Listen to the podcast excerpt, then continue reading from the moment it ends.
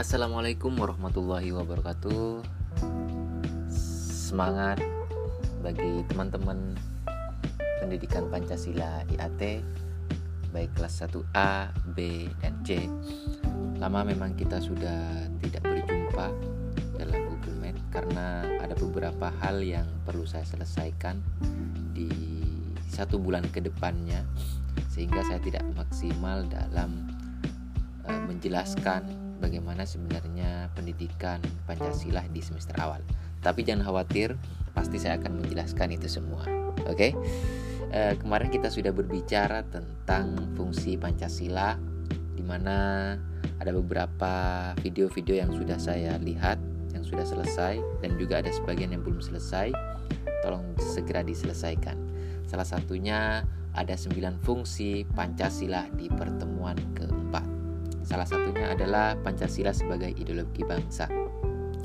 Ini sudah kita jelaskan di pertemuan sebelumnya bagaimana Pancasila menjadi salah satu bagian dari milik kita yaitu bangsa Indonesia yaitu ideologi. Ideologi adalah pandangan kita terhadap sesuatu sehingga apa pun yang ada di dalam kehidupan kita kita perlu yang namanya uh, membahas tentang ideologi. Jadi apa pun tingkah laku kita, apa pun eh, praktek-praktek sosial kita harus berlandaskan dengan Pancasila. Yang kedua, Pancasila sebagai dasar negara. Artinya semua hal-hal yang berhubungan dengan negara, baik itu hukum, sosial, ekonomi, harus berkiblat kepada Pancasila. Sehingga Pancasila disebut sebagai dasar negara Indonesia. Jadi ada sembilan fungsi dari Pancasila yang bisa kalian praktekkan di dalam kehidupan sehari-hari. Seperti halnya bagaimana kalian mencintai lingkungan. Lingkungan adalah bagian dari tanah, udara, serta laut. Hal itu adalah bagian dari menjaga NKRI. Nilai-nilai nasionalisme itulah yang perlu kita tanamkan. Seperti halnya di dalam uh, fungsi ke-8 Pancasila sebagai cita-cita dan tujuan bangsa Indonesia. Bayangkan kalau misalnya kita sebagai generasi bangsa, generasi muda tidak mampu menjaga marwah dari Pancasila itu sendiri, maka apa yang akan terjadi? Pancasila akan digerus, Pancasila akan dikotori, Pancasila akan digeser dengan ideologi-ideologi yang lain. Hal ini jangan sampai terjadi karena kenapa? Karena dengan adanya Pancasila kita mampu bersatu, tidak harus membedakan agama, suku dan ras. Karena kita terbingkai dalam Bhinneka Tunggal Ika. Sebenarnya inilah yang disebut sebagai sembilan fungsi Pancasila. Nah, di pertemuan kelima kita akan berbicara tentang bagaimana sebenarnya eh, Pancasila dilahirkan menjadi suatu ideologi bangsa kita. Pertama, yaitu adalah tahap usulan. Hal ini eh, disampaikan pada sidang eh, pertama BPU PKI pada tanggal 29 Mei sampai 1 Juni 45 atau 1945. Di dalam agenda sidang itu sendiri membahas tentang dasar-dasar Indonesia yang merdeka. Karena kenapa? Karena pada waktu itu Indonesia masih belum memiliki dasar-dasar eh, apa negara atau bagaimana sebenarnya negara dipersiapkan atau bagaimana sebenarnya undang-undang dipersiapkan. Maka dari eh, dorongan masyarakat serta kaum intelektual Indonesia baik elit politik ataupun elit pelajar mendorong untuk Indonesia segera merdeka, maka lahirlah sidang yang pertama tentang dasar Indonesia. Salah satu yang ada ataupun salah satu yang eh, menghadiri sidang tersebut adalah eh, Muhammad Yamin, Suipomo, dan Soekarno sendiri. Nah, di dalam sidang BPUPKI, Muhammad Yamin mengusulkan ada setidaknya lima dasar untuk kemerdekaan bangsa kita. Apa saja? Pertama adalah peri kebangsaan, yang kedua adalah peri kemanusiaan, yang ketiga adalah peri ketuhanan, yang keempat adalah peri kerakyatan, dan terakhir adalah kesejahteraan rakyat. Di samping usulan lisan seperti halnya pidato yang diungkapkan oleh Muhyamin, beliau juga mengajukan usulan tertulis. Salah satunya uh, bisa kita lihat nantinya di dalam uh, piagam Jakarta. Semua akan ter, tertulis di situ tentang usulan-usulan bagaimana Pancasila menjadi salah satu uh, ideologi bangsa kita yang final. Yang kedua, pada tanggal 31 Mei 1945 usulan dari uh, Bapak Swet Pomo yang diawali dengan pemaparan syarat berdirinya negara. Setidaknya ada tiga teori kata beliau untuk menjadi negara. Yang pertama adalah teori perseorangan yang dianut oleh negara liberal di Eropa seperti halnya AS, Nah, ini sudah berbicara tentang teori-teori e, bagaimana sebenarnya negara dibentuk. Salah satunya ada tokoh John Locke, Thomas Hobbes, dan Rousseau, dan lain-lain. Apa yang disebut sebagai negara kata beliau dalam perspektif teori perseorangan ini? Yang pertama adalah negara adalah wujud kontrak sosial. Masyarakat bebas berbuat selama tidak melanggar kontrak yang disebut sebagai hukum negara adalah masyarakat hukum atau legal society dan individu tidak boleh banyak dikekang. Artinya ada kebebasan kehendak untuk masyarakat tetapi di dalam koridor yang disebut sebagai kontrak sosial. Kontrak sosial dalam hal ini yang disebutkan oleh Mr. Supomo ini adalah hukum. Maka lahirlah masyarakat hukum atau legal society. Ini adalah teori yang pertama. Yang kedua adalah teori kelas ataupun golongan. Apa dalam perspektif ini? Bagaimana negara terbentuk, kata beliau, ketika menggunakan yang kedua, awalnya negara adalah alat kekuasaan, kelas atas berkuasanya kaum borjuis untuk menindas kelas ke bawah. Nah, artinya sebenarnya kelas dalam perspektif teori ini melihat bahwasanya negara mampu mengintervensi masyarakat. Berbeda dengan teori yang pertama yaitu adalah teori kontrak sosial itu sendiri. Nah, maka dari itulah sebenarnya pada teori kelas ini melihat bahwasanya harus ada persatuan yang sifatnya revolusioner untuk merebut kekuasaan. Sama dengan ketika bangsa Indonesia masih terjajah, kita perlu yang namanya perjuangan serta revolusi besar dari masyarakat Indonesia untuk apa? Untuk memerdekakan bangsa Indonesia. Nah, inilah sebenarnya ketika kita melihat teori kelas sosial. Bila revolusi berhasil, maka kendali ada di tangan kelas proletariat itu sendiri atau ada di kelas masyarakat. Sama ketika Indonesia mampu merebut kemerdekaan dari Jepang. Nah, hal inilah yang disebut sebagai revolusi masyarakat Indonesia. Ketika revolusi berhasil, maka kemerdekaan 100% milik Indonesia. Bisa juga negara dijadikan dengan kekuasaan sentral atau terpusat. Semua diatur oleh negara. Nah, artinya dalam hal ini, dalam teori kelas, bagaimana negara hmm, memberikan suatu kekangan ataupun memberikan suatu eh, apa ya semacam aturan untuk masyarakat agar supaya masyarakat mampu menjadi satu kesatuan. Nah, hal ini yang tidak bisa kita lakukan saat ini karena kenapa? Karena di era demokrasi kita perlu adanya transparansi, kita perlu adanya musyawarah. Karena kenapa? Karena negara bukan milik siapa-siapa tetapi negara milik masyarakat Indonesia.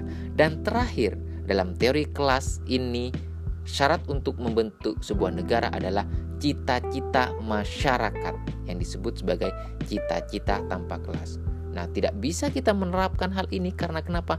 Karena di dalam bangsa kita memiliki banyak perbedaan sehingga teori kelas tidak bisa dipakai di dalam praktek pembentukan sebuah negara.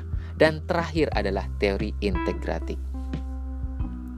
Dasar dari negara menurutnya adalah suatu struktur sosial masyarakat yang mengutamakan persatuan antara pemimpin dengan rakyatnya. Nah, teori integratif inilah yang sampai saat ini kita terapkan yang disebut sebagai demokrasi. Ada suatu korelasi, ada satu keterhubungan antara pemimpin dengan rakyat. Artinya, negara tidak dimiliki satu golongan satu faham, tetapi negara dimiliki masyarakat Indonesia. Nah, dari inilah teori integral yang diusulkan oleh Bapak Suipomo agar supaya bangsa Indonesia menjadi salah satu bangsa yang menganut teori integral ini sendiri atau integralistik dalam teori yang ketiga. Dan yang selanjutnya adalah usulan dari Bapak Supomo tentang pidato yang tadi menyebutkan bahwasanya pembentukan dari sebuah negara perlu adanya integral ataupun integrasi antara masyarakat dengan pemerintah. Nah, hal ini berbeda ketika kita berbicara dalam perspektif Soekarno pada 1 Juni 1945. Dasar negara Indonesia mengajukan tiga usulan. Yang pertama adalah Pancasila, yang kedua adalah Trisila atau Ekasila. Apa Pancasila yang diusulkan oleh Soekarno? Kebangsaan yang disebut dengan kebangsaan adalah nasionalisme, rasa cinta tanah air kita terhadap bangsa Indonesia. Yang kedua, kemanusiaan yang disebutkan dengan kemanusiaan yang dalam hal ini adalah internasionalisme. Bagaimana kita memandang bangsa kita menjadi bangsa yang besar, bersifat kemanusiaan. Dan yang ketiga adalah musyarah mufakat atau demokrasi yang sampai saat ini kita lakukan bersama.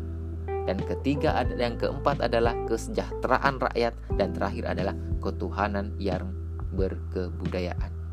Nah, inilah awal dari terbentuknya Pancasila yang pada akhirnya kita akan nikmati ideologi Pancasila seperti halnya sekarang. Pertama adalah ketuhanan yang Maha Esa. Nah, inilah yang disebut dengan Pancasila dalam perspektif Soekarno pada awal pembentukan sebuah negara. Yang kedua, Soekarno juga mengusulkan bagaimana jika negara berideologi Trisila apa itu? Sosio-nasionalisme, sosio-demokrasi, dan ketuhanan. Artinya apa? Artinya ada masyarakat di mana masyarakat menjunjung tinggi rasa kecintaan terhadap tanah air, rasa memiliki terhadap tanah air, tetapi tidak melupakan bagaimana sifat ataupun karakteristik bangsa Indonesia yang disebut sebagai demokrasi kita sudah cinta terhadap tanah air, kita sudah musyawarah mufakat dengan adanya demokrasi, maka yang terakhir adalah kita perlu yang namanya ketuhanan. Dimensi antara manusia dengan sang pencipta juga harus diatur di dalam sebuah negara. Yang terakhir adalah Eka Sila, gotong royong yang diambil oleh falsafah asli orang Indonesia. Nah, dari inilah maka dibentuk panitia kecil yang berjumlah 8 orang yang tugasnya untuk melihat bagaimana sebenarnya negara yang ideal. Setelah panitia kecil bekerja, diperoleh usulan yang banyak, maka kemerdekaan dituntut ataupun didorong agar supaya diproklamasikan ada perbedaan pendapat mengenai hubungan agama dan negara. Hal ini hal yang biasa. Golongan agama, khususnya agama Islam, mengusulkan agar negara berdirinya syariat Islam. Jadi pergolakan untuk menentukan sebuah ideologi bangsa pada waktu itu memang begitu rumit. Tidak seperti halnya sekarang, kalian tinggal menikmatinya saja, tetapi jangan lupa merawat ideologi-ideologi kita, yaitu Pancasila. Karena kenapa? Karena tempo dulu adanya masyarakat muslim, golongan nasionalis, ada non-muslim yang ikut berjuang untuk memerdekakan bangsa Indonesia. Nah, untuk menentukan bagaimana arah bangsa Indonesia, maka inilah PR yang awal untuk masyarakat pada waktu itu. Perbedaan tidak bisa kita bendung, tapi dengan perbedaan inilah kita mampu menjadi satu kesatuan karena ada perbedaan pendapat yang harus diselesaikan, maka dibentuklah panitia kecil yang mewakili kedua golongan tadi. Panitia ini dikenal dengan nama Panitia 9. Pada 22 Juni 1945, Panitia 9 berhasil mencapai kesepakatan dalam rancangan Prembul hukum dasar atau disebut sebagai Piagam Jakarta. Artinya, Piagam Jakarta adalah cikal bakal dari pembukaan Undang-Undang 1945 hanya ada perbedaan pada rumusan Pancasila pertama. Apa itu? Ketuhanan dengan kewajiban menjalankan syariat Islam bagi pemeluknya. Ini pada awalnya pembentukan Pancasila. Tetapi ketika sidang BPUPKI kedua pada tanggal 10 Juli 1945 disampaikan hasil musyawarah antara golongan Islam dan golongan nasionalisme tentang rancangan mukoddimah atau hukum dasar di dalamnya meliputi lima sila dalam versi piagam Jakarta. Jadi, seluruh anggota sidang dapat menerima kesepakatan tersebut sehingga masalah dasar negara dianggap telah selesai. Pada akhirnya, negara Indonesia memiliki ideologi Pancasila yang pertama yang berlandaskan atas ketuhanan dengan kewajiban menjalankan syariat Islam bagi pemeluknya yang nantinya direvisi menjadi ketuhanan yang Maha Esa.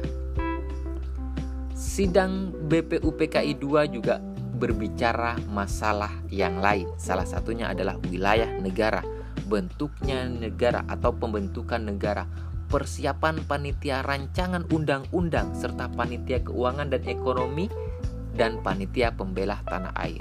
Ini juga semua dirancang agar supaya bangsa Indonesia ke depannya semakin progresif. Karena sangat apa uh, sangat riskan ketika bangsa kita sudah mulai memproklamasikan kebangsaan kita tetapi kita tidak punya dasar. Maka biasanya penjajah itu akan hadir kembali untuk merebut kemerdekaan kita. Nah, maka di, pem, di pembentukan PPKI dibentuklah pada eh, tanggal 9 Agustus 1945 oleh Jepang di Dalat atau di Vietnam dengan ketua yaitu Bapak proklamator kita Insinyur Soekarno dan wakil ketua adalah Dr. Andes Muhammad Hatta yang anggotanya adalah Dr. Rajiman W. Tugasnya adalah mempersiapkan kemerdekaan Indonesia selekas-lekasnya tergantung orang Indonesia sendiri. Setelah pulang ke tanah air, Bapak Soekarno menambah anggota PPKI menjadi 26 orang sebagai perwakilan dalam Komite Pembentukan Negara. Jadi PPKI Komite Pembentukan Negara belum sempat bersidang. Proklamasi kemerdekaan 19 ah sorry 17 eh, Agustus 1945 pada sidang tersebut disebut sebagai Dwi Tunggal. Maka lahirlah suatu pemerintahan awal yaitu Insinyur Soekarno dengan Muhammad Hatta yang pada waktu itu memproklamasikan bangsa Indonesia. Nah, dari sinilah kita dapat menarik sebuah kesimpulan bahwasanya di mana Pancasila menjadi ideologi bangsa menjadi sebuah pegangan bagi rakyat Indonesia itu butuh perjuangan. Perjuangan tidak hanya di dalam penjajah atau mengusir penjajahan tetapi perjuangan di dalam menyatukan prinsip, menyatukan argumentasi dari berbagai masyarakat yang sel, yang yang apa yang berjuang untuk kemerdekaan bangsa Indonesia. Jadi artinya di pertemuan ke lima ini memiliki keterkaitan dengan pertemuan keempat keempat yaitu Pancasila sebagai identitas jiwa bangsa dan panji luhur. Oke, mungkin itu saja dulu penjelasan dari saya.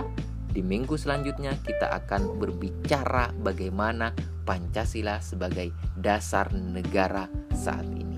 Terima kasih, sehat selalu, jaga kesehatan dan sampai jumpa. Wassalamualaikum warahmatullahi wabarakatuh.